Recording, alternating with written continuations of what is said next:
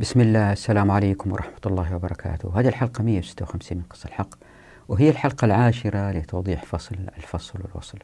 الآن لإعطاء فكرة سريعة عن هذه الحلقة. برغم أن أفكار هذه الحلقة بسيطة لكن يمكن تظهر فيها نوع من الصعوبة للتربيط بين الأفكار المختلفة. يعني الواحد يمكن يقول إيش دخل هذا الموضوع في موضوع الحلقة؟ فاللي أحاول أسويه الآن هو إعطاء فكرة عن بعض النقاط المهمة اللي لازم نخليها في بالنا وإحنا نشاهد الحلقة. يعني هذه الفكرة السريعة عن هذه الحلقة لن تغني عن مشاهدتها لكن تعطيكم فكرة عن أنه الحلقة رايحة فين. استكمالا الحلقة السابقة راح نبدأ بتوضيح أفكار فريدمان وما هي الأفكار التي وافق فيها مع هايك. بعد كده أعرض لبعض المواقف اللي فريدمان خالف فيها هايك. والسبب لهذا العرض هو لإظهار قصور العقل البشري. فبرغم الادعاء أنه الاقتصاد علم مع ذلك اثنين مشهورين اختلفوا فيما بينهم ولأن الحلقة الماضية تحدثنا عن هايك وكينز في هذه الحلقة نركز على فريدمان ونتحدث عن موقفه من التدخل في السوق. زي ما أنتم عارفين هو يرفض التدخل في السوق ويرفض التدخل بالتخطيط للدولة. هذا الرفض في ظل رأسمالية تعطي للدولة بعض الصلاحيات وضعه في عدة مواقف صعبة. رح ننظر لبعض هذه المواقف فأبين موقفه من مكافحة الفقر وخصخصة التعليم والقبول بالضرر على الناس اللي يشتغلوا في المعامل كأجراء مثلا. طبعا ناس كثير لم يوافقوا على هذه المواقف. وبكده نكون مرينا تقريبا على أهم الأفكار الأساسية في علم الاقتصاد في العالم الغربي. بعد كذا أثير السؤال لماذا يجب أن نرفض نحن كمسلمين نظريات الاقتصاد الرأسمالية؟ وعلى رأسها نظريات كينز وهايك وفريدمان وحتى نثبت أن نظريات الاقتصاد المعاصرة ستدمر البشرية ولن تصلح لأي أمة سواء كانت هذه الأمة مسلمة أو غير مسلمة. لابد لنا من النظر في العولمة المعاصرة. فزي ما راح أبين إن شاء الله هذه العولمة هي مستوى عال من الظلم. تذكروا في الحلقة الأولى تحدثنا عن مستويات الظلم ونقاط العدل. وحتى أبين أن العولمة ظلم. بعض الباحثين ينظروا لبعض المناطق اللي ازدهر في الاقتصاد على أنها انتصار لنظرية الاقتصاد فيأخذ هونغ كونغ كمثال فوضح أن الازدهار الاقتصادي ليس بالضرورة بسبب نظريات الاقتصاد ولكن بسبب الموقع كما في هونغ كونغ أو أي سبب آخر مثل تخلي مدينة عن القيم اللي هي كانت فيها. فأخذ مثال لمدينة في الجزيرة العربية تخلت عن قيمها وسمحت بكل أنواع الفساد. وأنه كيف هذه المدينة ازدهرت اقتصاديا وأنه هذا ليس ازدهار اقتصادي لأنها لا تنتج شيء لكن لأنه موقعها في محيط يرفض الفساد مثل الزنا هي تخلت عن هذه القيم وازدهرت اقتصاديا.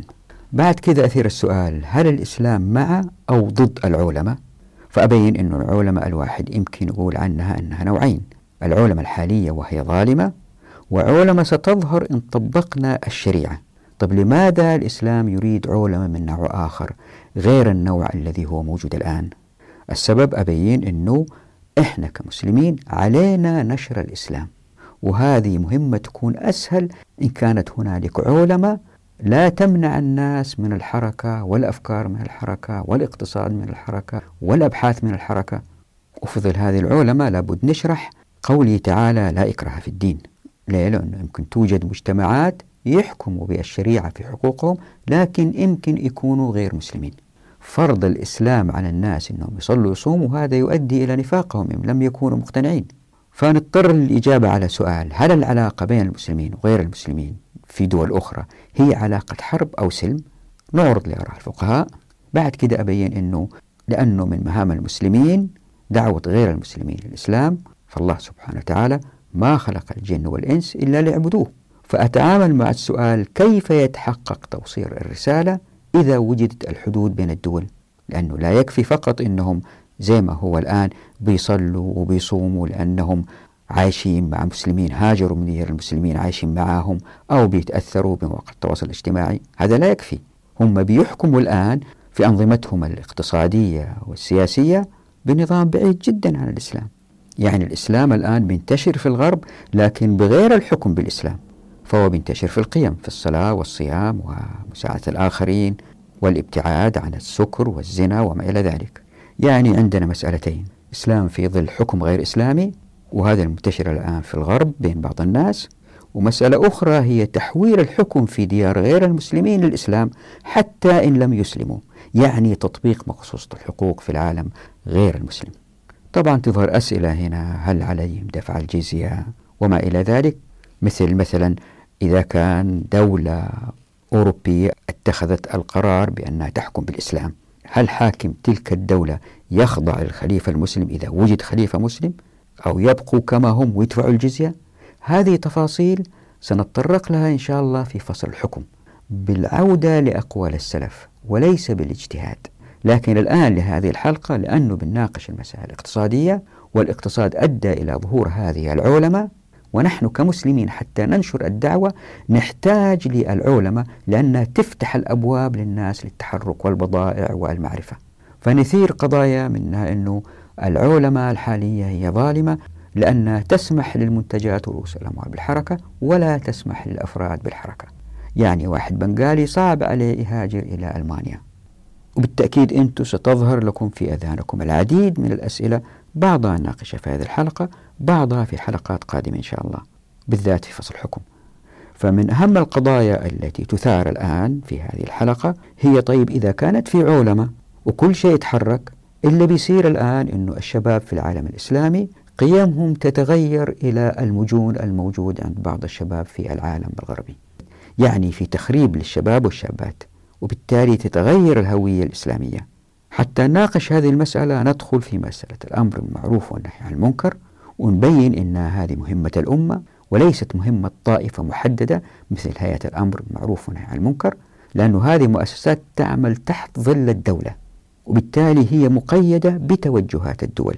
وبكذا نضطر للحديث عن المحتسب ونبين أنه هو فرض كفاية وما الذي يحدث إن كانت الأمة عزيزة والكل يحتسب الأجر في الأمر بالمعروف والنهي عن المنكر؟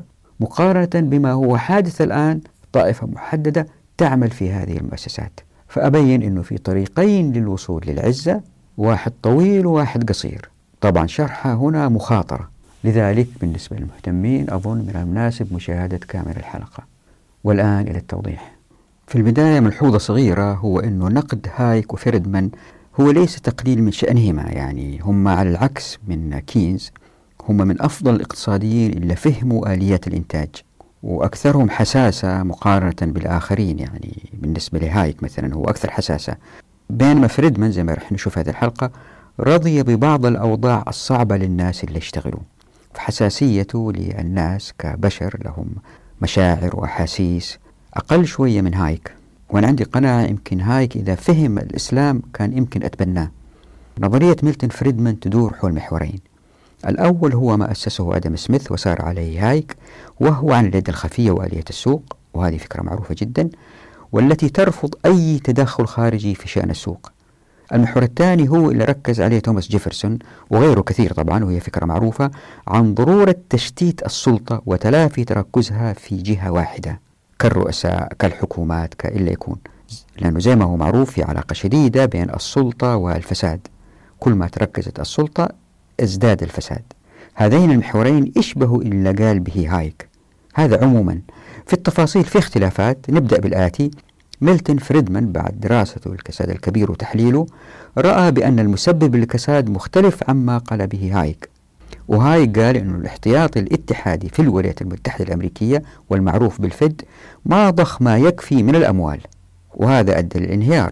فريدمان يعلل أن السبب في انهيار البنوك القرن العشرين بدأ ببنك اسمه بنك الولايات المتحدة الأمريكية The Bank of the United States. وهذا بنك تجاري مثله مثل أي بنك آخر لكن اسمه غرر بالناس يعني هو ليس بنك حكومي. فالمهاجرين الجدد اللي جو إلى أمريكا ظنوا أنه هذا البنك هو بنك حكومي عشان اسمه كذا فوضعوا أموالهم فيه وكان معظم اللي يودعوا أموالهم فيه هم يهود وكانوا ملاكه يهود. وبكذا لأنهم هم أثرى صار بنك كبير جدا. وجاء يوم وعجز عن سداد بعض التزاماته. فاستعان بالبنوك الأخرى لكن البنوك الأخرى لم تدعمه لأنه هذا البنك اللي اسمه بنك الولايات المتحدة الأمريكية ما قبل بالشروط اللي وضعوا له هي باقي البنوك. فشعر البنك أنه في استغلال لوضعه من باقي البنوك فرفض الشروط اللي حطوا له هي وقفل أبوابه. وبالتالي الناس ما قدروا يسحبوا إيداعاتهم فانتشرت الإشاعة بين الناس أنه هذا البنك أفلس. وخافوا الناس الثانيين وراحوا للبنوك وبدأوا يسحبوا أموالهم وتتذكروا بينا في حلقات ماضية عن الاحتياط المطلوب والاحتياط الزائد اللي صار إنه الناس لما سحبوا أموالهم ما كان في من الأموال في الاحتياط المطلوب اللي مكن البنوك من التعامل مع الناس اللي هم أرادوا سحب أموالهم. يعني الاقتصاد كان بإمكانه الاستمرار دون ظهور كساد إذا استمر الاحتياطي الاتحادي بضخ أموال أكثر أو في مساعدة هذا البنك أو البنوك الأخرى ساعدت هذا البنك لما ظهر الذعر. الان اصدق مين هايك ولا فريدمان؟ يعني شفتوا كيف العقل البشري هنا قاصر في حادثة مر عليه عشرات السنين وكل الوثائق موجودة مع ذلك ما قدروا يعرفوا السبب الرئيسي لهذا الكساد اختلاف آخر بينهم هو أن الاقتصاد عادة ما يتعرض لدورات اقتصادية زي ما هو معروف وعادة كما يقول الاقتصاديون فإن هناك أربع مراحل للدورة وهي التوسع بعدين الذروة بعدين التراجع بعدين القاع وعادة ما يقيس هذه المراحل بالناتج القومي ومعدلات البطالة ومعدلات التضخم. وفي عدة تفسيرات لأسباب هذه الدورات في النظام الرأسمالي منها ما يسميه كينز أنه الدورة بسبب ما يسميه بالأرواح الحيوانية أو animal spirits. واللي عادة ما تنتج من تصرفات المؤسسات الإنتاجية ذات الطابع المتأرجح بين قطبين. الأول هو العاطفة والتي تغطي المنطق في اتخاذ القرارات والتي تدفع الشركات المنتجة للمزيد من الاستثمار لرفع الإنتاج وطبعا هذا يحدث متى ما اطمأنوا للأوضاع الاقتصادية.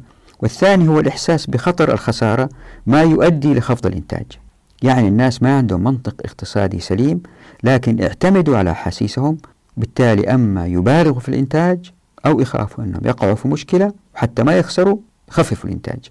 أما ميلتون فريندمان واللي معاه طبعا من جامعته في شيكاغو وخلافا لما قال به هايك فهم يعزون الدورات الاقتصادية لضعف إدارة التدفقات المالية فبزيادة السيولة وانقباضها ينتعش الاقتصاد ويخبو. وفي نظريات أخرى تعزو الدورات إلى التغيرات في الإنفاق الاستهلاكي. ومثل هايك فريدمان رأى أنه السوق يجب أن يكون حر حتى تكون المنتجات في أفضل ما يكون. ليه؟ لأنه إذا الدولة دخلت زي ما صار في الولايات المتحدة الأمريكية مثلا بحماية صناعة الحديد إلا بيصير أنه هذه الشركات التي تنتج الحديد لأنه ما في منافسة عالية بالتدريج إنتاجها يبقى كما هو هذا إن لم يسوء وبالتالي الجودة تقل وتقل وتصير هذه الشركات اللي تنتج عبء على الحكومات لأنها ببساطة بتصير شركات مدللة وأيضا لا تستطيع المنافسة في خارج الولايات المتحدة الأمريكية لأن منتجاتها ليست بالجودة العالية لأنه الشركات الأخرى بتوجد شيء أفضل. ففي الأسواق خارج الولايات المتحدة الأمريكية تقل المنافسة بالنسبة لهذه الشركات. فهو دائما ينادي ويقول أنه عندما الدول تحاول أن تظهر أنها أو تظهر نفسها أنها دول متقدمة هي تضع خطط هي بالتالي بتتدخل في السوق.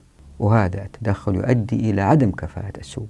وحتى يثبت كلامه فريدمان دائما استخدم هذه المقارنة بين الهند واليابان في صناعة النسيج.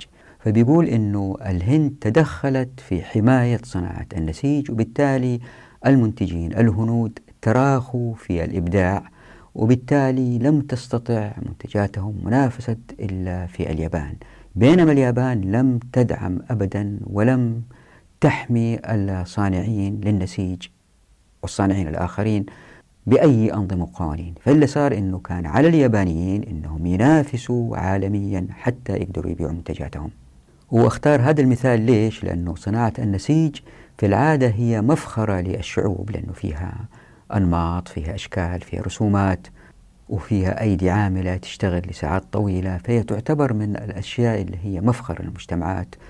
فبيقول إنه اليابانيين برغم إنها مفخرة ما فكروا أبدا ولا مرة في إنهم يترددوا في إحضار تقنيات جديدة أشكال جديدة من حضارات أخرى حتى يبيعوا. فكان همهم أنهم يكسبوا. طبعا هم بيشتغلوا عشان يكسبوا. في الحالة هذه التراث أخذ درجة ثانية ولا بينما الربح أخذ الدرجة الأولى. فاتجهوا إلى إحضار جميع التقنيات اللي بإمكانهم من مناطق أخرى. اتجهوا إلى تجديد وإبداع وابتكار وها أدى أدى إلى أنهم يتفوقوا جدا على الهنود في صناعة النسيج. وبالتالي زادت مبيعاتهم وبالتالي زاد الإنتاج القومي. هذا الكلام اللي ينطبق على النسيج صناعة النسيج ينطبق على جميع المجالات الأخرى. فهو يرى أن تدخل الدولة لحماية المنتجات هو خطأ جذري لأنه يؤدي إلى البلادة والتكاسل والتخلف في الإنتاج. فلا بد أنه يكونوا المنتجين واقفين على رؤوس أصابعهم دائما يجروا ويتحركوا ودائما يوجدوا ما هو جديد. طيب السؤال هو الآن هو الكل يعرف أنه الحماية تؤدي إلى التبلد. طيب السؤال هنا لماذا الدول تتدخل وتحمي؟ الجواب باختصار هو أنه المسؤولين اللي يجوا ينتخبوهم الناس في العادة أو أنهم دكتاتورين جهل ما يعرفوا هذه الأشياء. وحتى إذا تعلموها بيتغيروا بالديمقراطية ويجوا ناس غيرهم. فالحكومات ما يمكن تتعلم مثل ملاك المصانع اللي هم مع منتجاتهم وشايفين الخسارة والربح فهم دائما يتعلموا الدروس أول بأول. طيب هنا يظهر سؤال إذا كان كل هؤلاء فطاحلة في الاقتصاد ونظريات لماذا إحنا المسلمين نرفض هذه النظريات؟ الجواب ينقسم إلى شقين. الشق الأول بالنسبة لنا كمسلمين لأنه أي تدخل في الاقتصاد لا يمكن أن يتم زي ما وضحت في الحلقة الأولى من قصة الحق لا يمكن أن يتم إلا من خلال الأنظمة والقوانين. والأنظمة والقوانين زي ما قلت مرارا هي نقل للحقوق من جهة إلى أخرى. وبالتالي إحنا ما بنحكم بالإسلام ما بنحكم بالشريعة. يعني غيرنا مخصوص الحقوق التي أتت بها الشريعة. وتحدثنا عن هذه المسألة قلنا إنه إلا ما يحكم بما أنزل الله فأولئك هم الفاسقون الظالمون الكافرون. فياريت الأخوات والإخوان المشاهدين ارجعوا لتلك الحلقات للوقوف على هذه التفصيلة. الشق الثاني وهو الوضع الطبيعي لأنه إحنا بنتناقش مع ناس غير مسلمين بنحاول نقنعهم بالإسلام وحتى العلمانيين اللي هم ما هم مقتنعين هم مسلمين كذا يعني يصلوا ويصوموا ولكنهم ما هم مقتنعين أن الإسلام صالح الأيام هذه. الموضوع يكون كالتالي أو النقاش يكون كالتالي في إقناعهم. خلينا نبدأ بكينز. كينز يرى تدخل الدولة. الآن الدولة عندما تتدخل كيف تستطيع أن تتدخل؟ هي ليست كما يقول كينز تتدخل بالأنظمة والقوانين لا تتدخل أيضا ببناء منشآت. كيف تبني هذه المنشآت؟ تحتاج ناس يشتغلوا لها. من فين تجيب الناس اللي يشتغلوا لها؟ لابد تكون في أيدي عاطلة عن العمل حتى تشغلها الدولة كيف صارت هذه الأيدي عاطلة؟ إلا إن كانت أبواب التمكين في الموارد والموافقات والمعرفة مغلقة أمام الناس. يعني هنا ليس باستخدام الشريعة ولكن باستخدام المنطق. إذا كان موارد الكرة الأرضية زي ما بينت في فصل ابن السبيل أكثر من كافية وأنه في مصلحة المجتمعات هذه كتبتها في مقالة براءة الإسلام براءة الاختراع وسيأتي إن شاء الله توضيحها في فصل المعرفة. إن كانت المعرفة مشاعة للناس وإن كان الناس يتصرفوا من غير موافقة الدولة طبعا في مسألة لا ضرر ولا ضرار هذه تحدثنا عنها في حلقات ماضية وسيأتي إن شاء الله تفصيلها في فصل الموافقات إن شاء الله بإذن الله. فإذا أثبتنا أنه فتح أبواب التمكين تؤدي إلى بيئة مستدامة أفضل من تطبيق نظريات كينز ولا تؤدي إلى هذه الدورات فمن المنطق أن نتبع الشريعة ولا نتبع أفكار كينز. وبالنسبة لهايك وفريدمان لماذا نرفضه؟ السبب هو الآتي برغم أنهم يدعوا إلى تحرير الأسواق والذي أدى زي ما شفنا بالذات أفكار فريدمان في العولمة إلى التلوث في الكرة الأرضية والطبقية والفساد نرفضهم لأنها أفكار مبتورة ليش أقول أفكار مبتورة أو نظريات مبتورة؟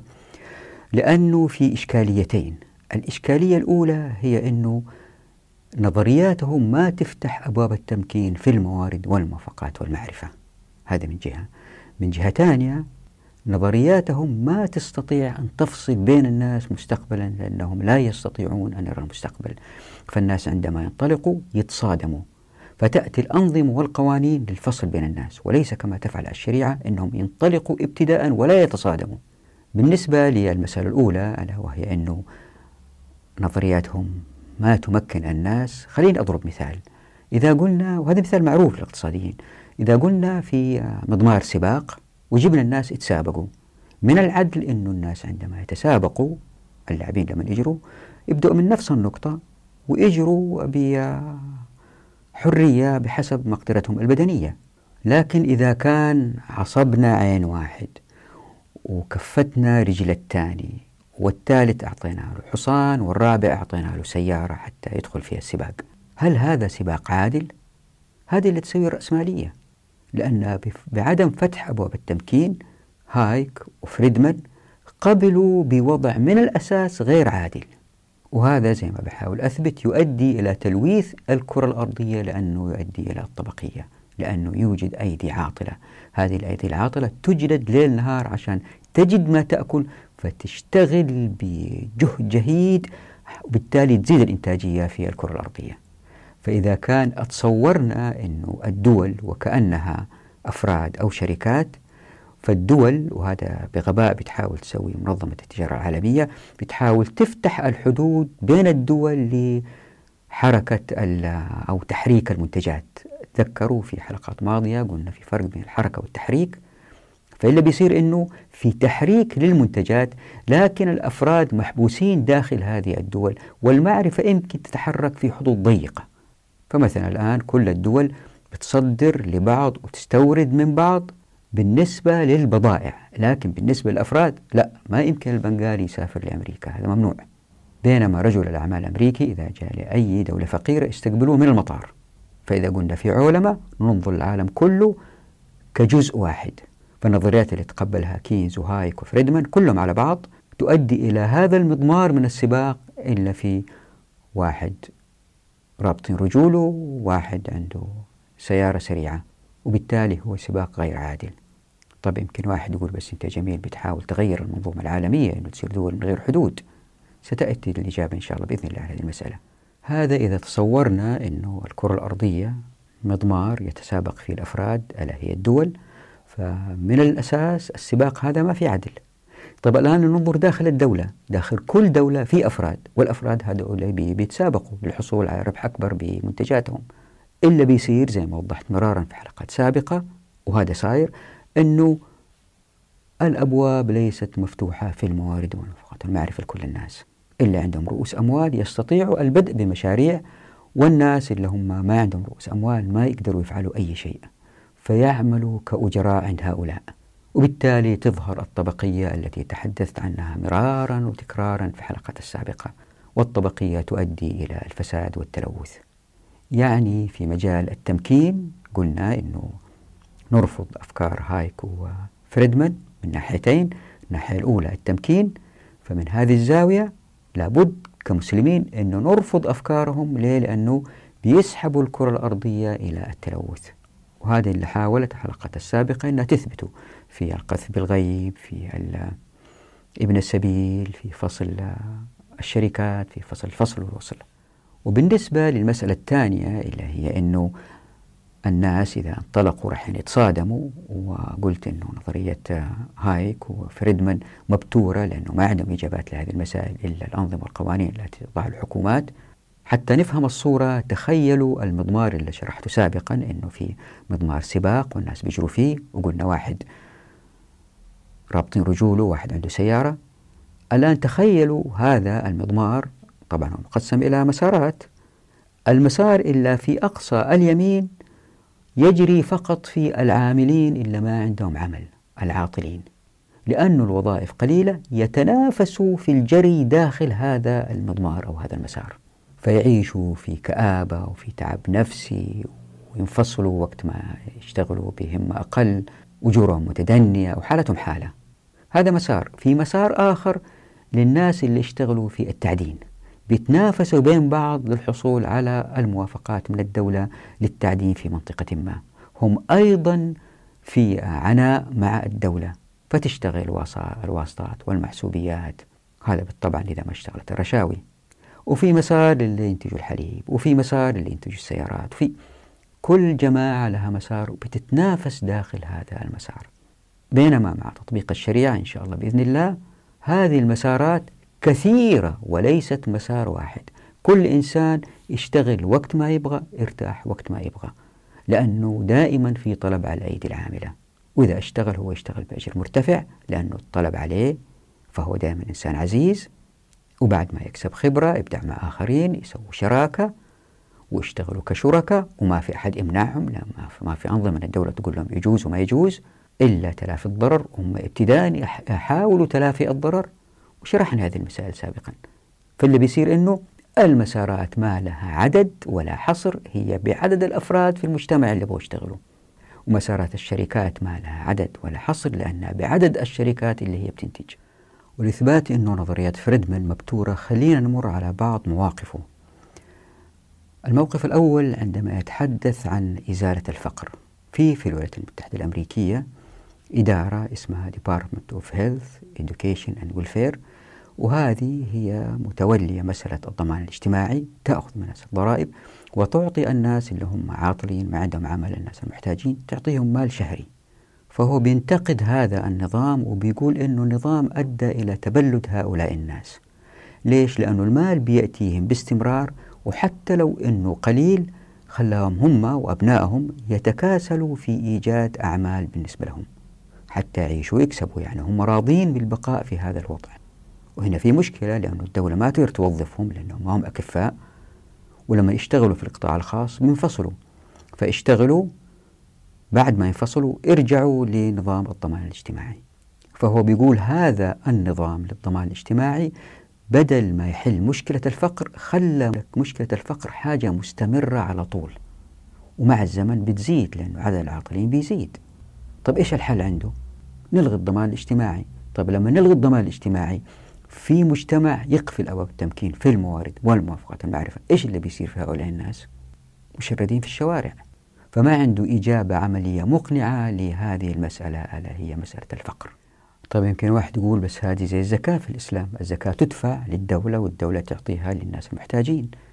الجواب هو كالآتي إذا تذكروا في فصل الأموال قلنا للناس أحيانا إعطاء وما حد من الفقهاء قال هذا لا يجوز. للناس إعطاء الزكاة للفقراء وبالذات إذا كانوا من الناس اللي حولهم فهم يعرفوهم ويدرسوا حالتهم ويعطوهم وهذاك اللي بياخذ لأنه قريب لأنه صديق لأنه فيخجل لما ياخذ. وبالتدريج الناس اللي من حوله يدفعوا للعمل يجدوا له عمل يعطوه رأس مال حتى يبدأ. فهو يعرف جيدا أنه هذا المال ليس مستمر ليس حق مضمون وبالتالي يصير كسلان ويصير بليد زي ما هي أنظمة الضمان الاجتماعي. فشتان بين الحالين. يا ريت المشاهدات والمشاهدين يرجعوا لفصل الأموال ويشوفوا فيديوهاتها ويشوفوا حكمة الشريعة في مسائل الزكاة. ويمكن واحد يقول طيب ليش ما نفكر في النظام الرأسمالي أنه الأثرياء يعطوا الفقراء زي ما هو سائر في الإسلام؟ الجواب هو الآتي. لأن الأثرياء عليهم ضرائب عالية. فهم تعبانين من كثرة الضرائب. وبينما الفقراء مقفلة أمامهم أبواب التمكين وبالتالي بيزيد عددهم. لهذا لا يمكن عندهم نظام كالزكاة يشتغل. لا تنسوا أيضا أنه لأنه التمكين مغلقة والناس عندما ينطلقوا ويتصادموا في النظم الرأسمالية تأتي الأنظمة والقوانين الفصل بين الناس. وهذه الأنظمة والقوانين تؤدي إلى الطبقية والاحتكار وهذه بيناها في حلقات سابقة. وعندما تظهر الطبقية يزداد الاستهلاك في الكماليات ومع زيادة هذه الاستهلاكية للكماليات لأنه في طبقات مرفهة تحدث تذكروا تحدثنا عن البيروقراطية في البنوك في الدول كل هذا يكون على حساب الضروريات اللي يرتفع سعرها وبالتالي الفقراء يزدادوا فقر لأنهم ما هم قادرين يحصلوا على الضروريات. يعني أفكار مبتورة من جذورها. خلينا الآن نأخذ موقف آخر لفريدمان حتى نبين أنه نظرياته مبتورة. هو كان رفضه للضمان الاجتماعي لأنها تؤدي إلى الفقر زائد إيجاد جهاز إداري في الدولة ما ينتج ليه؟ لأنه جهاز بيروقراطي وما في إنتاج فعلي. يرى نفس الشيء في التعليم أنه إيجاد مؤسسات للتعليم. هي الأمثل إن لم تدر من قبل الدولة من قبل جهات حكومية تقول لها إيش تسوي إيش ما تسوي وجهات تجمع الأموال من الضرائب وتعطيها لهذه المدارس عشان تدرس. فهو يرى أن المدارس الحكومية وبال على المجتمع لأنها مدججة بالبيروقراطية اللي يمكن يتلافاها فهو يرى خصخصة التعليم حتى يتنافسوا المدارس فيما بينهم لجذب الطلاب وبكذا يشاركوا أولياء الأمور في اختيار المدارس الأفضل لأولادهم. لكن هنا ناس كثير نقدوا وقالوا له بس ما يصير كذا لأن الفقراء ما عندهم ما يكفي من الأموال لتدريس أولادهم. بالتالي الأثرياء يدخلوا المدارس الأفضل ويتخرجوا ويحصلوا على مناصب أفضل. فأنت بكذا يا فريدمان بتشتغل ضد الفقراء بهذه الأفكار في الخصخصة في التعليم. كان جوابه هو أنه الحكومة من أموال الضرائب تعطي الناس كوبونات اللي عندهم أطفال والكوبونات هذه يستخدموها أولياء الأمور في دفع نفقات تعليم أولادهم. فالمدارس تتنافس على الحصول على هذه الكوبونات عشان تحصل على مبالغ من الدولة. وبكده إحنا لغينا الطبقة البيروقراطية التي تتحكم في إدارة التعليم. وبالتالي التعليم يصير في يد المدارس الخاصة. ويقول أنه في هذا عدل على الناس الأثرياء. ليه؟ لأنه الأثرياء في العادة يدفعوا ضرائب عشان التعليم ويدرسوا أولادهم في مدارس خاصة. يعني بيدفعوا مرتين وبكذا مع هذا النظام الكوبونات بيدفعوا مرة واحدة. فوفرنا أموال الناس وفرنا أموال البيروقراطية في الدولة. زائد أنه الفقراء أيضا لأنه عندهم هذه الكوبونات يقدروا يختاروا المدارس الأفضل لأولادهم. طيب هنا يظهر سؤال ماذا عن الطلاب ذوي الاحتياجات الخاصة؟ بعضهم فكريا متخلفين بعضهم معاقين هؤلاء لن تقبلهم المدارس في حالة الخصخصة لأنه آه، عندما يقل مستوى فرد بين مجموعة من خلال المؤشرات يعرف أن المدرسة هذه ليست قوية. فبالتالي المدارس تتلافى قبول هؤلاء الطلاب. أحيانا نحن آه، نشاهد أنه طفل معاق أبدع في مسألة معينة أو أنه عنده مقدرات فذة. هؤلاء نوادر لكن في العموم معظم هؤلاء المدارس ما تقبلهم إذا كانت المسألة فيها خصخصة والمدرسة تبحث عن عدد كامل من الطلاب المتفوقين حتى تكون سمعتها أقوى وحتى الأثرياء يجيبوا أولادهم فيها لأنها فيها ربح أكثر. كل ما ترفع تكاليف التعليم tuition fees يعني كم يدفعوا الناس للتعليم كل ما يرفعوا هذا المبلغ الناس يتقبلوا لأنه يطمنوا أنه أولادهم راح يتخرجوا من مدرسة كويسة ويقدروا يدخلوا جامعات أفضل. فتتنافس المدارس في الحصول على أفضل الطلاب وبالتالي الناس اللي عندهم إعاقات أو تخلف لا تقبلهم المدارس. وهذا ظلم قالوا له. كان جوابه هو كالآتي أنه في القرن التاسع عشر يعني 1800 وكسور وبعدها هذا القرن تميز لأنه كان في حرية في الأسواق والدولة لم تكن مسيطرة تميز بوجود الأثرياء في المجتمع. لذلك كثرت المؤسسات الخيرية في الظهور في هذا القرن. فمثلا ظهر صليب الأحمر الكشافة وبالتالي الناس اللي هم عندهم أبناء آه، عندهم بعض الإشكاليات الصحية النفسية الإعاقة هؤلاء تدعمهم هذه المؤسسة الخيرية بالتعليم الخاص أو مدارس خاصة لهم. فرجع في جوابه إلى أنه الخصخصة هي الأفضل دائما بعدم تدخل الدولة. طيب السؤال هنا هو إذا كان الدولة تعطي كوبونات للناس عشان يدرسوا أولادهم وبعدين تسدد المدارس بهذه الكوبونات من أين تأتي الدولة بأموال هذه الكوبونات؟ الجواب طبعا من الضرائب. وأنا ما وجدت أبدا قد يكون أنه فريدمان أو هاي قالوا أنه نقدر نوجد مجتمع من غير ضرائب. هم قابلين بالضرائب وهذا مختلف جذريا عن الإسلام إلا ما في مقوس أبدا غير الزكاة واللي هي نسبتها قليلة جدا زي ما شفنا في فصل الأموال. قليلة جدا جدا جدا. ولا تفرض دائما تفرض إن وصلت للنصاب. ما بدخل في تفاصيلها ترجعوا إن شاء الله لحلقات الأموال. فجميعهم في النظام الرأسمالي ما في واحد منهم قال يمكن نستحدث دولة من غير ضرائب. وهذا فرق جذري مهم جدا. طيب يمكن واحد يسأل طيب كيف يصير التعليم إذا كان ما في دولة لا عندها كوبونات ولا عندها مدارس تنفق عليها ولا سلم رواتب المدرسين ولا طباعة كتب؟ كيف يصير التعليم في العالم الإسلامي؟ طبقنا الشريعة سيأتي إن شاء الله توضيح في فصل الأماكن والمعرفة إن شاء الله بإذن الله. الموقف الثالث اللي أبغى أعرضه حتى أبين أنه نظريات فريدمان مبتورة هو قبول بالضرر.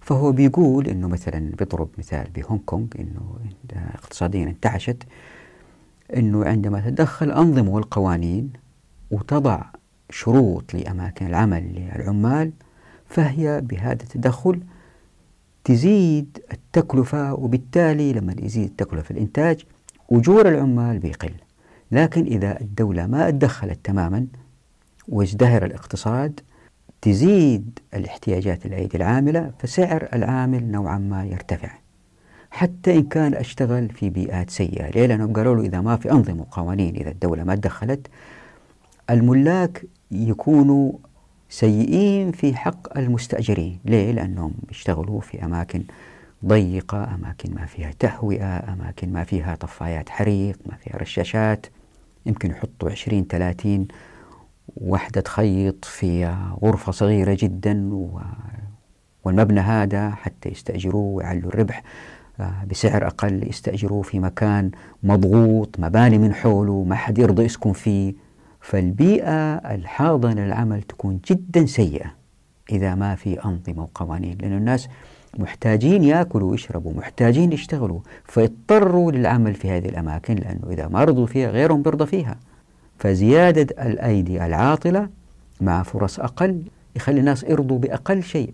وعندها الملاك حتى يعظموا الربح يكون هذا على حساب طبيعة المكان اللي فيه إنتاج.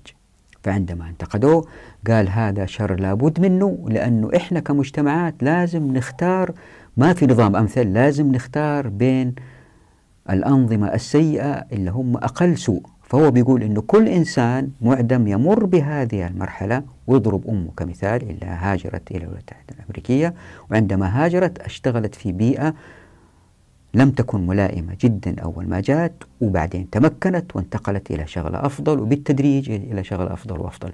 وكذا كل إنسان إن كان إن كان غير متمكن يعني مهاجر ولا أم وأبو فقراء يبدأ بهذه الأماكن اللي العمل فيها صعب جدا.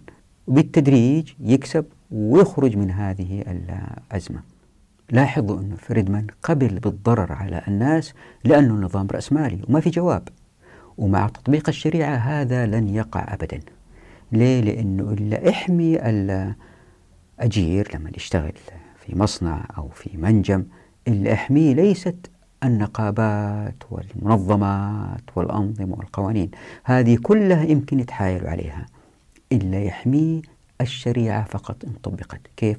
لأن الأبواب مفتوحة في الموارد والمعرفة ولأن الأيدي العاملة نادرة ولأن الناس لهم الانطلاق في الكرة الأرضية وفي إنشاء المصانع والمحلات وما إلى ذلك زي ما وضحنا في فصل من السبيل اللي بيصير إنه المنتجين اكتروا ويحتاجوا أيدي عاملة وما في أيدي عاملة. فالعامل له الحق في الاختيار يشتغل هنا أو هنا فاختار البيئة الأفضل. هذا أولا.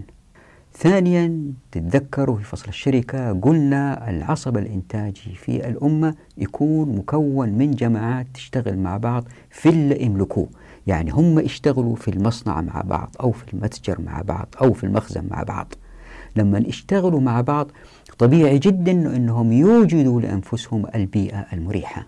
يعني يمكن حتى يعظموا الربح يرضوا بيئة شوية تعبانة لكن ليست بيئة سيئة جدا كما الناس اللي اشتغلوا في المناجم آه، في وضع جدا سيء. تشوفوا وجيههم سودة من الشغل اللي اشتغلوا الفحم هؤلاء. واستنشقوا من غير كمامات الغازات والأدخنة اللي تضر بصحتهم. هذا لن يقع لأنه الملاك للمنتجات والمصانع لا يريدوا أن يضروا أنفسهم في صحتهم. هذا مستحيل لن يقع. هذا ثانيا. ثالثا أن هؤلاء الشركاء عندما يشتغلوا لأنفسهم وهؤلاء هم الكثرة والقلة هم الأجراء هؤلاء لما يشتغلوا لأنفسهم ويكونوا بيئتهم اللي بيشتغلوا فيها يحاولوا إنهم ما يسرفوا حتى يعظموا الإنتاج زي ما يفعلوا مدراء الشركات الكبيرة. عندهم مكاتب فخمة يروحوا ندوات مؤتمرات رحلات كلها على حساب الشركة وهذه فيها هدر. لكن مع تطبيق الشريعة لأن الملاك هم اللي بيشتغلوا يقتصدوا في هذه المصاريف لتعظيم الربح. ورابعا وهو المهم لأنه زي ما تحدث سابقا ويأتي إثبات هذه إن شاء الله السوق مشبع بالضروريات على حساب الكماليات. اللي بيصير أنه مثلا ناخذ طاولة مدير بيدير مصنع. لن تكون فارهة وفخمة مقارنة بطاولة الموظف اللي هي صغيرة ويمكن تتكسر بأي دقة. لا الطاولات تكون متقاربة في جودتها. وبالتالي عندما آه واحد عنده مصنع يبغى يجيب أجير يشتغل عنده كمحاسب واللي يكون بيختار له من الطاولة الموجودة في السوق والطاولة الموجودة في السوق متقاربة في النوعية والجودة بالتالي هذا الموظف بيشتغل في بيئة أفضل كثير. في أحد اللقاءات سألوا فريدمان طيب إذا تركنا السوق حر إلا بيصير إنه الشركات الكبيرة تتكتل مع بعض ويأكلوا الصغار الضعاف؟ كان جوابي أنه هذا لن يقع لأنه لم يقع في هونغ كونغ لما درس هذه المنطقة في تلك الفترة. وكان هذا في أواخر القرن الماضي. طبعا السائل سكت لأنه قبل بالجواب. السؤال هو الآن هل في هذا المنطق عدم تدخل الدول خير للمجتمعات البشرية؟ لاحظوا أنا ما بقول يعني بنتقد أن الدول تتدخل لا. الإسلام موضوع آخر.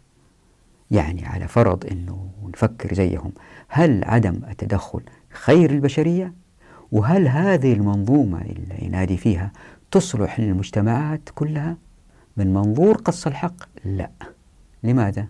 للإجابة لابد لنا من النظر إلى العولمة لأنها مستوى عالي من الظلم وليست تحرير البشرية زي ما يظن الكثير.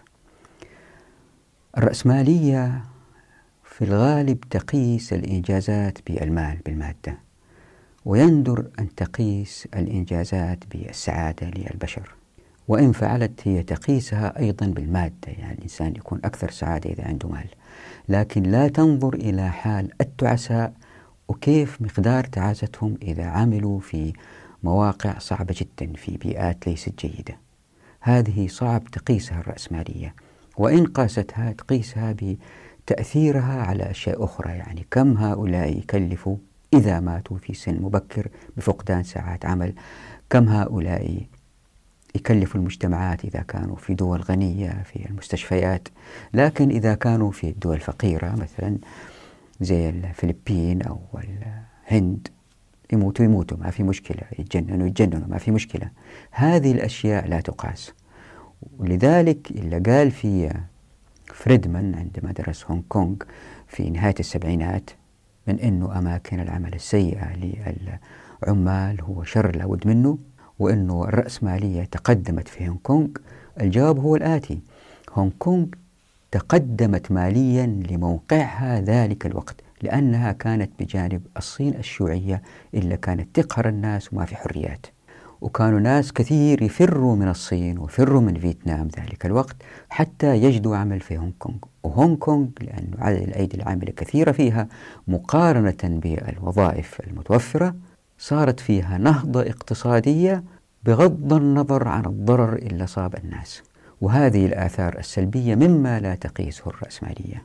فعندما نرى نجاح اقتصادي في مكان معين لا يعني هذا أنه النجاح بسبب النظام الاقتصادي. خلينا ناخذ مثال من العالم العربي. في مدينة خليجية اشتهرت جدا بمبانيها الفاخرة مبانيها العالية بمرافق الترفيه اللي فيها وبدأت تجذب الناس من العالم كله وليس فقط من العالم العربي. بدأت شهرتها بأنها تكون موقع استراتيجي في العالم العربي لأنها في منطقة تخلت هي فيها عن قيمها التي تشمل تلك المنطقة. فمثلا الخمرة والدعارة هذه ممنوعة في معظم بلاد الجزيرة العربية. هذه المدينة تخلت عن هذه القيم وبالتالي صارت نقطة جذب لكثير من الفاسدين للحياة فيها. فبدأوا يشتروا فيها شقق بدأت الأسواق تتحرك وطبعا هؤلاء متمكنين بعضهم ماليا. وبكذا انتقلت على مستوى عالمي وبدأ يجوها الناس من كل مكان من العالم اللي هم أثرياء لاعبين مشهورين فنانين مشهورين عندهم شقق إضافية احتياطية جالسة هناك. فصارت بؤرة تجمع لغسيل الأموال بؤرة تجمع للكثير من هذه المظاهر الفاسدة. هذه مدينة ما تنتج شيء للبشرية ما تنتج سيارات ما تنتج طيارات. هي مدينة يجلب لها كل شيء من كل مكان. فالواحد عندما يراها مزدهرة ما يقول نظام الاقتصادي جيد أو المسؤولين اللي فيها عندهم حكمة لا بتخليها عن قيمها حول هذا المحيط اللي هي فيه خلاها تظهر بهذا المظهر. مثال بسيط على كذا يمكن يجلسوا ستة سبعة شباب.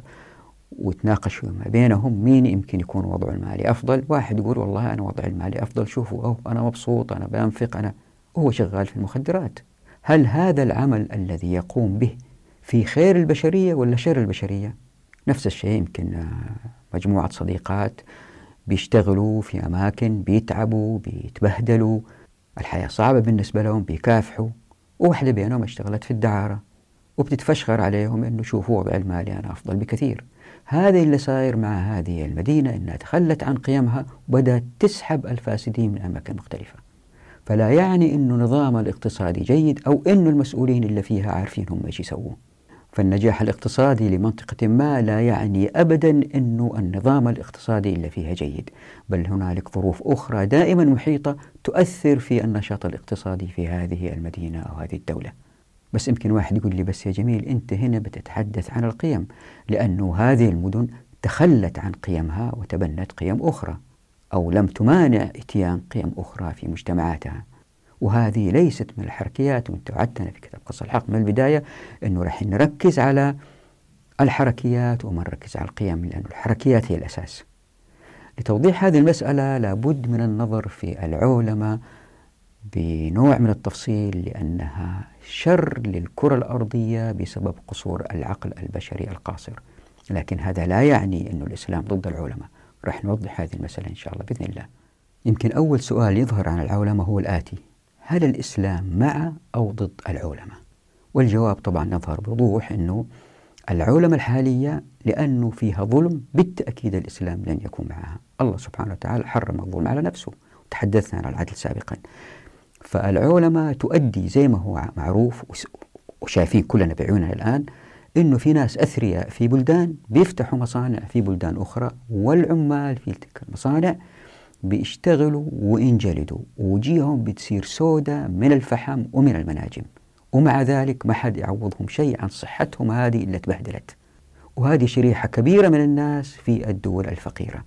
وبالتالي هذا ظلم لطائفة من البشر ويقاس ونرى بوضوح. يعني يمكن الواحد يقول والله الفاحشة إذا يرضوا فيها غير المسلمين هذا شأنهم ما نقدر ندخل فيه. وبالتالي هم راضين بين بعض راضين. هذه مسألة ما نقدر نناقش فيها. لكن نناقش وبقوة أنه في جماعة من البشر بينظلموا بينجلدوا بيشتغلوا ساعات طويلة وفي النهاية بيمرضوا رئاتهم بتتبهدل مع الأدخنة مع الأتربة. وهذا ظلم لطائف من البشر. فإذا إحنا كمسلمين لن نكون مع هذه العولمة هذا بالتأكيد. لكن هل الإسلام ضد العولمة بمعانيها الأخرى تحرك الناس حرية الحركة حرية انتقال الأفكار حرية تحريك الأموال. هل الإسلام ضد هذه؟ أنا أعتقد أن الإسلام يؤدي إلى وضع في عولمة عادلة وليست عولمة ظالمة. لذلك أنا أسمي هذه العولمة اللي إحنا فيها هي عولمة ظالمة. ولن أعطي الاسم آه الذي سيظهر إن شاء الله إن طبقنا الشريعة أي اسم لأن هي العولمة التي تريدها الشريعة فهي العولمة الحقيقية الصافية. وستظهر إن شاء الله بإذن الله هي قناعتي إنما هي مسألة وقت لينتشر الإسلام في الكرة الأرضية. وحتى إن كانوا في غير مسلمين يعيشوا في الكرة الأرضية لكن سيحكموا إن شاء الله في مسائلهم الحقوقية بالعدل الذي أتت به الشريعة لأنه أو مقصود الحقوق لأنه لا مجال لعدم تلويث الكرة الأرضية إلا بالحقوق التي أتت بها الشريعة حتى إن كانوا الناس غير مسلمين. فالعولمة الحالية اللي إحنا فيها هي عولمة ظالمة وهي عولمة مؤقتة وستحل محلها العولمة التي ستأتي من تطبيق الشريعة إن شاء الله بإذن الله. خلينا نوضح هذه المسألة. حتى لا يظهر الفساد في الكرة الأرضية زي ما وضحت سابقا لابد أنه لجميع البشر يحكموا بمقصود الحقوق حتى لو ما كانوا مسلمين. هنا يظهر سؤال يعني أسئلة كثيرة تحير. بعضها أستطيع الإجابة عليها بعضها أتركها. لآخرين أكفأ مني لأنهم عندهم أدوات الاجتهاد فيقدروا يجتهدوا. مثل الأسئلة الآتية إيش علاقة المسلمين بغير المسلمين الآن؟ هل هي علاقة سلم أو علاقة حرب؟ وإذا ما أسلموا يدفعوا جزية أو ما يدفعوا جزية. أسئلة كثيرة كهذه تدور حول فكرة العلاقة بين المسلمين وغير المسلمين. خلينا أول شيء نفهم هذه المسألة. فالسؤال هو هل الأصل في العلاقة بين المسلمين وغير المسلمين الحرب أم السلم؟ ذهب جمهور الفقهاء من السلف والأئمة الأربعة إلى أنها علاقة حرب إلا أبو حنيفة الذي رأى أنها علاقة حرب مع المجاورين للمسلمين. لقوله تعالى في سورة التوبة أعوذ بالله من الشيطان الرجيم. يا أيها الذين آمنوا قاتلوا الذين يلونكم من الكفار وليجدوا فيكم غلظة واعلموا أن الله مع المتقين. لكن معظم المعاصرين ذهبوا إلى أن علاقة سلم. لاحظوا في هذه المسائل وأنتم تقرأوا في كتب الفقه تجدوا أن الأقوال متأثرة جدا بعزة الأمة في ذلك الوقت. مثلا في السابق كانت الأمة عزيزة وقوية كانت آراء الفقهاء فيها نوع من الوضوح بأنه إحنا المسلمين وإحنا الأقوى وإحنا نحكم فلازم تنصاعوا يا غير المسلمين. بينما الآن لأن المسلمين في ضعف تجد أن أقوال الفقهاء ذهبت إلى تمييع المسألة نوعا ما وقد يكونوا محقين. لا أدري لذلك قلت المسألة يبغى لها اجتهاد. فتجد نوع من التراجع في أقوال المتأخرين. فنكمل. فمعظم المعاصرين ذهبوا إلى أنها علاقة سلم. ومن هؤلاء محمد عبده ومحمد رشيد رضا ومحمد أبو زهرة ومحمد الخضر حسين ومحمود شلتوت وعبد الوهاب خلاف ووهب الزحيلي ومصطفى السباعي وسيد سابق. ومن فقهاء السلف سفيان الثوري والأوزاعي. طبعا لكل طرف أدلته واستنتاجاته لكن المتأخرين الذين رأوا السلم ذهبوا إليه لأن المسلمين الآن في ضعف وذل. هذا أولا. وثانيا لأنهم لم يستشعروا الفساد القادم على أيدي النظم البشرية التي تحكم بالعقل البشري القاصر. هذا بيت القصيد لأن هؤلاء الفقهاء اللي قالوا إن علاقة سلم قد يكونوا تمكنوا لكن أعتقد أنهم لم يتمكنوا من الربط بين تطبيق الشريعة في كافة الكرة الأرضية والفساد القادم لا محالة. يعني هؤلاء الفقهاء العظام اللي ذكرت أسماءهم هم فقهاء أجلاء إن أدركوا مصير الكرة الأرضية من تلوث وانحلال خلقي لما ذهبوا إلى السلم والله أعلم. بل لأصروا على إنقاذ الناس والأرض وبالتالي لفرضوا على الناس الحكم بالإسلام ولو بالقوة حتى وإن لم يسلموا. لذلك قلت هذه مسألة صعب علي أفتي فيها لكن هذه وجهة نظر ولا بد أن تمحص. طب السؤال هنا كيف نفرض على غير المسلمين أنهم يحكموا بالإسلام؟ هذا شيء مستحيل في ظل هذا الضعف اللي فيه الأمة الآن. هذا مستحيل. يعني إحنا يا دوب بننفك من شرهم. طب خلينا نستمر. إن مما لا شك فيه طبعا وهذا شيء معروف للجميع أن الإسلام دين يسعى لإيجاد بيئة تصل فيها رسالة التوحيد لجميع الناس. فقد خلقنا لعبادة الله وحده. قال تعالى في سورة الذاريات أعوذ بالله من الشيطان الرجيم وما خلقت الجن والإنس إلا ليعبدون. طيب هذا التبليغ للرسالة لا يمكن أن يتحقق إلا بحرية الحركة للمسلمين لذا كان الرسول صلى الله عليه وسلم ينادي في أهل مكة المكرمة وفي الحكام بأن يخلوا بينه وبين الناس. فكيف نحصل على حرية الحركة إن وجدت الحدود التي تمنعنا من الوصول إلى الناس لإبلاغهم فإن بلغوا الناس عندها فلهم الخيار أما بقبول الإسلام أو برفضه أو بدفع الجزية. هذا ما أتت به الشريعة والجزية هي ما يدفع مقابل حمايتهم وأمنهم واستقرارهم. وهنا في مسألة توضيحية أرجو أن لا يفهم أن الجزية فيها ظلم لغير المسلمين. زي ما وضحت في فصل الأموال الجزية مبلغ صغير جدا لمن استطاع ذلك. هذه تحدثنا فيها مرينا عليه مرور سريع أظن في فصل الأموال. وفصلناها أكثر في دولة الناس. حتى يمكن الواحد يستنتج تتذكروا أنه إذا طبقت الشريعة لأجيال كثيرة ما يبقوا فقراء في العالم الإسلامي ومعظم الأموال تذهب للمؤلفة قلوبهم. وطبعا وجهة نظرنا إحنا كمسلمين أنه هذا في صالح غير المسلمين لأنهم بيعيشوا في أمان في ظل دولة إسلامية قوية ويزاولوا شعائرهم الدينية. يعني لا إكراه في الدين لقوله تعالى في سورة البقرة أعوذ بالله من الشيطان الرجيم. لا إكراه في الدين قد تبين الرشد من الغي. وقوله تعالى في سورة الكهف أعوذ بالله من الشيطان الرجيم. وقل الحق من ربكم فمن شاء فليؤمن ومن شاء فليكفر. وطبعا الآيات في هذا المعنى كثيرة إشارة إلى أهمية تأكيد حرية الاختيار الأديان لغير المسلمين. مثل قوله تعالى في سورة الأنعام أعوذ بالله من الشيطان الرجيم. قد جاءكم بصائر من ربكم فمن أبصر فلنفسه ومن عمي فعليها وما أنا عليكم بحفيظ. طبعا الحكمة واضحة لأن الناس إذا أجبروا على تقبل الإسلام وهم فعلا ما هم مقتنعين هؤلاء منافقين. وقوله تعالى في سورة الزمر أعوذ بالله من الشيطان الرجيم إنا أنزلنا عليك الكتاب للناس بالحق فمن اهتدى فلنفسه ومن ضل فإنما يضل عليها وما أنت عليهم بوكيل. يعني لنشر الإسلام يجب أن لا توجد الحدود للوصول لكافة الناس لتبليغهم لأن الإسلام رسالة للناس كافة. قال تعالى في سورة سبأ أعوذ بالله من الشيطان الرجيم وما أرسلناك إلا كافة للناس بشيرا ونذيرا ولكن أكثر الناس لا يعلمون. يعني لأنه مطلوب من المسلمين نشر الدعوة للإسلام المفروض في هذه الأمة إن كانت قوية تحاول إزالة جميع العقبات التي تؤدي إلى إيصال الدعوة لغير المسلمين.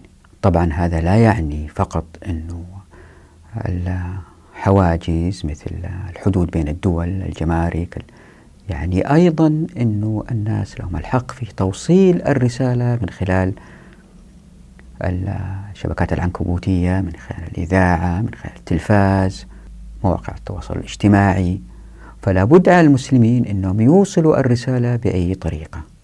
فالهدف من إيجاد علماء في المنظور الإسلامي هو توصيل الرسائل للناس حتى يزيد عدد المسبحين بالله المؤمنين بالله الواحد الأحد. لكن في نفس الوقت وفي المقابل فكما نريد أن نتحرك كمسلمين لا يحق لنا منع غير المسلمين من الحركة لأن مظنة أن يعتنقوا الإسلام إن أتوا إلينا وخالطونا أمر وارد. يعني لغير المسلمين حرية الحركة كما نريد لأنفسنا حرية الحركة. قال صاحب البدائع في أهل الذمة ويسكنون في أمصار المسلمين يبيعون ويشترون لأن عقد الذمة شرع ليكون وسيلة إلى إسلامهم وتمكنهم من المقام في أمصار المسلمين أبلغ في هذا المقصود. وفيه أيضا منفعة المسلمين بالبيع والشراء. عشان كده والله أعلم فأي حاجز لمنع أي نوع معين من الحركة والسماح بآخر له أمر يجب أن يرفض شرعا والله أعلم. لاحظوا أن هذا لا يعني قط الذهاب والعيش في بلاد غير المسلمين. وهذه مرت فينا ووضحناها سابقا في الحديث عن الجماعات في فصل القذف بالغيب تحت عنوان الخطاب القرآني والمجتمعات. يعني هناك فرق بين الحركة للدعوة وبين السفر إليهم للاستقرار والعيش بينهم. فرق شديد. وهنا في مسألة مهمة حتى نربطها بدولة الناس. إذا تتذكروا في دولة الناس قلنا أنه الشريعة قفلت كل الأبواب في الطرق التي تأتي بالأموال إلى بيت المال إلا في حدود ضيقة جدا. وأرجو من الإخوان والأخوات اللي هم يشاهدوا الحلقة ما شاهدوا السابق ما يقفزوا لاستنتاج قبل ما يشوفوا دولة الناس لأنه في الكثير من الأدلة بحمد الله التي تقنعكم إن شاء الله أنه الأصل في الشريعة عدم تجميع الأموال في بيت المال. يا ريتكم تشوفوا تلك الحلقات قبل القفز للاستنتاج. فلأنه ما في أموال في بيت المال بالذات للأعمال هذه اللي هي وظيفية فالدولة لا تستطيع إن كانت إسلامية وضع حدود يقف فيها موظفين في هذه الحدود ويفتشوا الناس الداخلين والخارجين. هذا الشيء إن وجدت أمة إسلامية وستكون قوية بإذن الله إن طبقنا الشريعة. ومن سبل تقوية الأمة عدم وجود هذه الحدود التي يقف فيها الناس الموظفين للدولة للتفتيش للرايح والجاي. يعني يمكن واحد بيأخذ أموال من ديار المسلمين يسافر فيها لديار غير المسلمين ويقول والله أنا أبغى أنشر الدعوة الإسلامية. والأموال كانت كثيرة. ما يحق لأحد إيقافه والتجسس عليه هو رايح عشان يهديها لبنت شخصية كبيرة يبغى يتزوج بنته عجبته بمهر عالي ولا هو رايح نشر الدعوة؟ هذا مو شغل أحد. لأنه إذا قبلنا بهذه الأفكار اللي تقول يمكن ولو إلا بيصير أنه شوية شوية تظهر الحدود ويقوى فيها الناس وتستخدم كوسيلة للحكام لتوقيف واحد مثلا شارد من حاكم يروح لبلد أخرى يوقفوا عند الحدود يمسكوه زي ما هو سائر الآن أصبحت الحدود أداة بإمكان الحكام من خلالها الهيمنة على الشعوب. هذا ما هو موجود في الشريعة. كانوا الناس يتحركوا أيام الرسول صلى الله عليه وسلم كيف ما أرادوا مسلمين غير مسلمين. حتى أنه والله أعلم وهذه بينتها في حلقات ماضية في ابن السبيل التجسس على الناس حتى نعرف هذا مسافر لديار غير المسلمين هو يطلب علم ولا هو يبغى يعيش بينهم ولا هو يبغى يتطبب ولا يبغى يتاجر هذا شغله هذا حسابه بينه وبين الله سبحانه وتعالى. طيب يمكن واحد يقول بس يا جميل هذه استحداثات لا أنا ببين لكم هذا اللي كان في عهد الرسول صلى الله عليه وسلم وإنه إن طبقناه الآن سيؤدي إلى أمة عزيزة. هذا اللي دوري أنا لازم أثبته. كيف هذه الأفكار اللي بضعها لأنها نفس التي كانت في عهد الرسول صلى الله عليه وسلم ستؤدي إلى أمة عزيزة. فالرسول صلى الله عليه وسلم ما منع غير مسلم يأتي لديار المسلمين. ولا نعرف أنه منع واحد مسلم يذهب لديار غير المسلمين للتجارة. ويمكن واحد يقول لي بس إذا كان فتحنا الحدود والناس يتحركوا بحرية اللي بيصير أنه لأنه القيم في العالم الديمقراطي العالم اللي ما في حلال وحرام هي قيم رقص وفن وموسيقى وتحرر وشذوذ ومثلية وما إلى ذلك من مسميات تلمع هذه الأشياء في أعين الشباب مثل قولا مثلية ولا يقولوا لوطيين مثلا. كل هذه يمكن واحد يقول تشتغل ضد الأمة المسلمة. الجواب هو لا. أنه انظروا إلى العالم الغربي الآن كيف الإسلام ينتشر.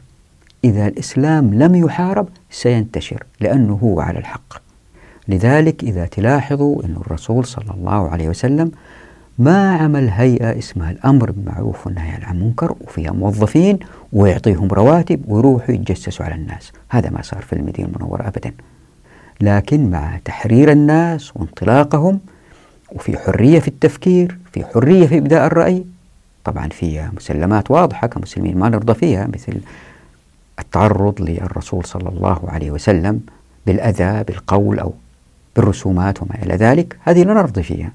لكن الأمة الآن مغلوبة على أمرها. فإذا كانت أمة قوية عزيزة يجب ألا ترضى بهذا من فعل في مجتمعات أخرى. أنا اللي أقصده أنه السلوكيات الفردية اللي هي الآن منتشرة بين الشباب بالتأثر بالعالم الغربي هذه إن كانت الحدود مفتوحة وكان الناس لهم حرية القول والاختيار الإسلام سينتصر.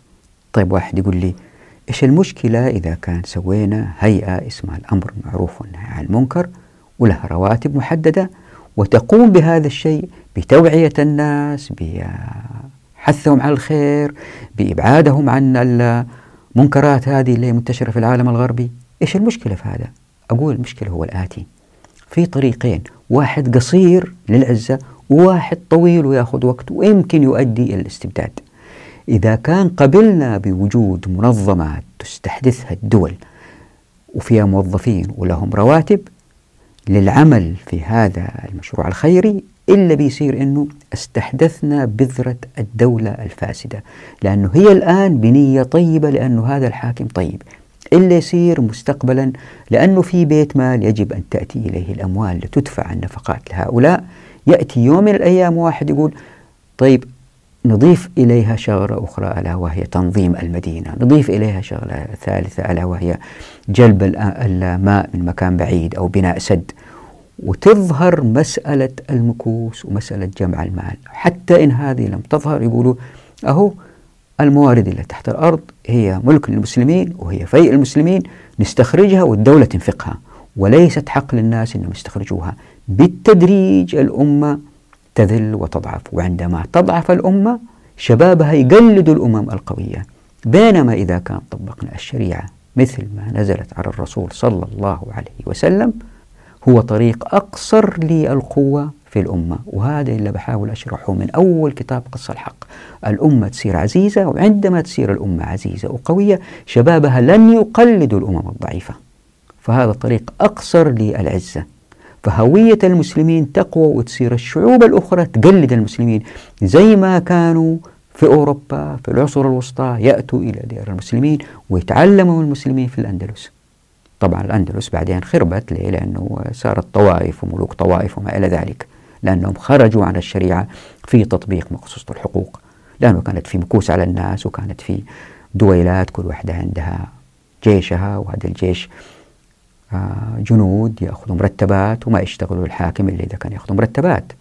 هي ما هي جهاد في سبيل الله هي جهاد في سبيل الدفاع عن هذا الحاكم زي وضعنا الآن بالضبط لأنه العمل العسكري أصبح الآن وظيفة وليس عبادة وهذه مسألة شرحناها في فصل الديوان. فلا بد من التربيط للمسائل هذه كلها حتى نقتنع أنه الأمة ستصبح قوية وعزيزة في حال وجود كرة أرضية من غير حدود. وهذه هي العولمة التي تسعى إليها الشريعة وليست العولمة الظالمة. هنالك فرق.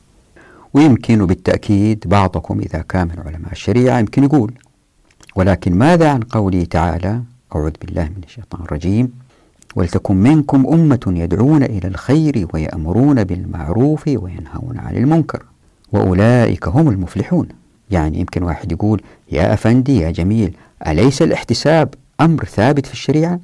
وما هو دور المحتسب إذن؟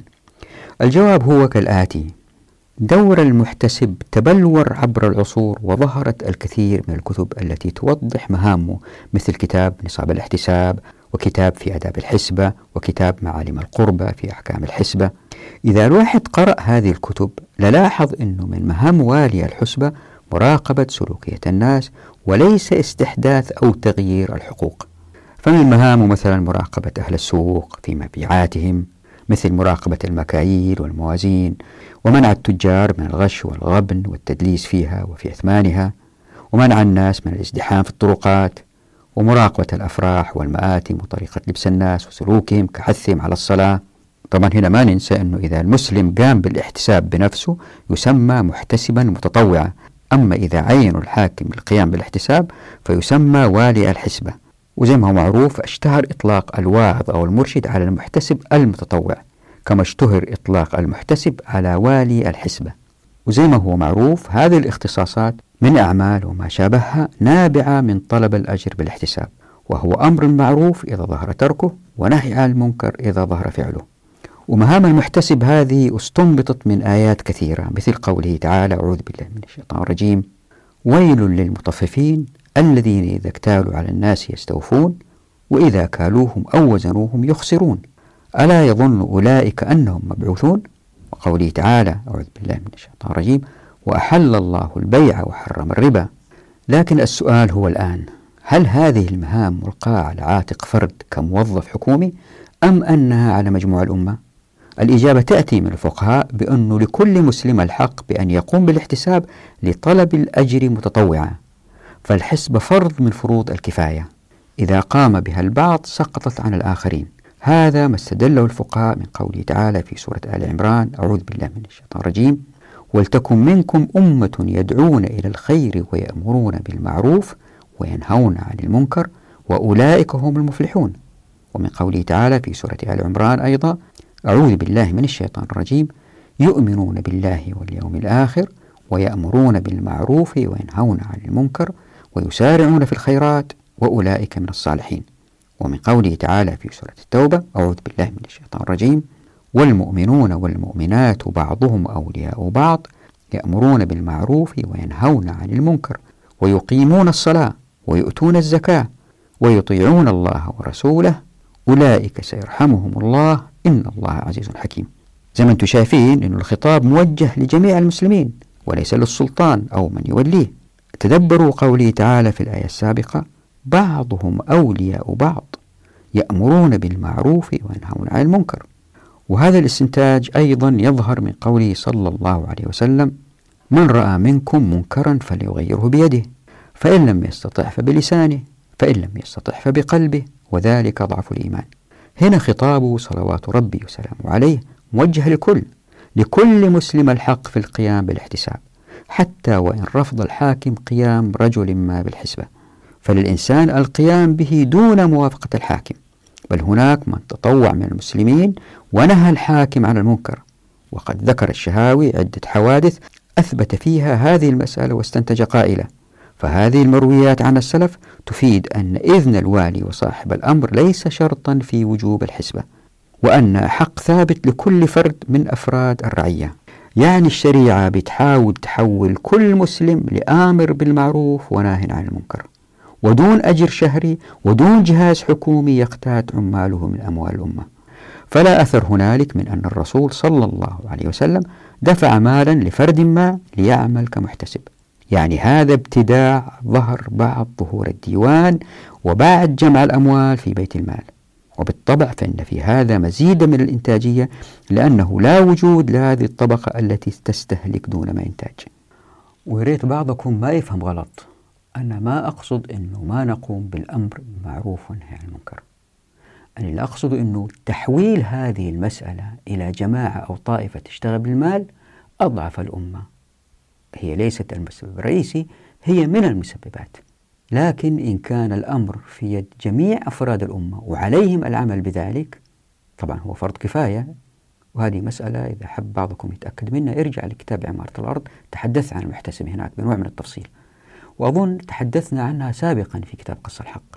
فشتان بين أمة كلها يفكروا في الأمر بالمعروف والنهي عن المنكر وبين أمة طائفة منها ومدعومة من الدولة بالمال ويمكن يساء استخدام هذه الطائفة. أو ساير في أكثر الدول الناس إلا في هيئة الأمر بالمعروف بيجروا وراء الناس في أشياء صغيرة وتاركين الحكام يسووا على كيفهم. ولما انطوا الحكام سكتوا. فإذا فكرنا في السابق هذا كله نستنتج أن الإسلام دين يحاول إيجاد عولمة لنشر الإسلام. عولمة مكوناتها هي الآتي. واحد أرض بلا حدود. اثنين سكان عليهم مسؤولية حراسة قيم المجتمع المسلم.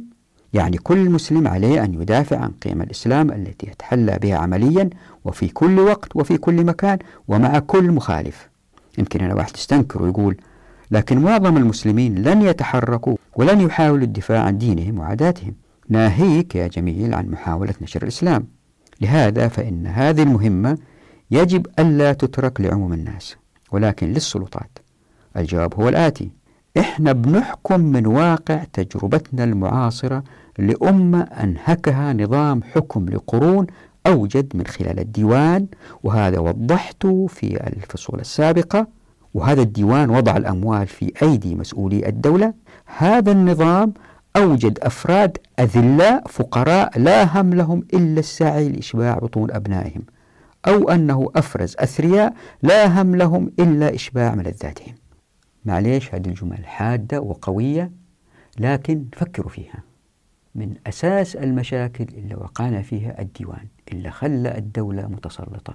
والمسؤولين في هذه الدول الآن في أيدي الدول غير الإسلامية. فلا بد من تربيط جميع المسائل مع بعض.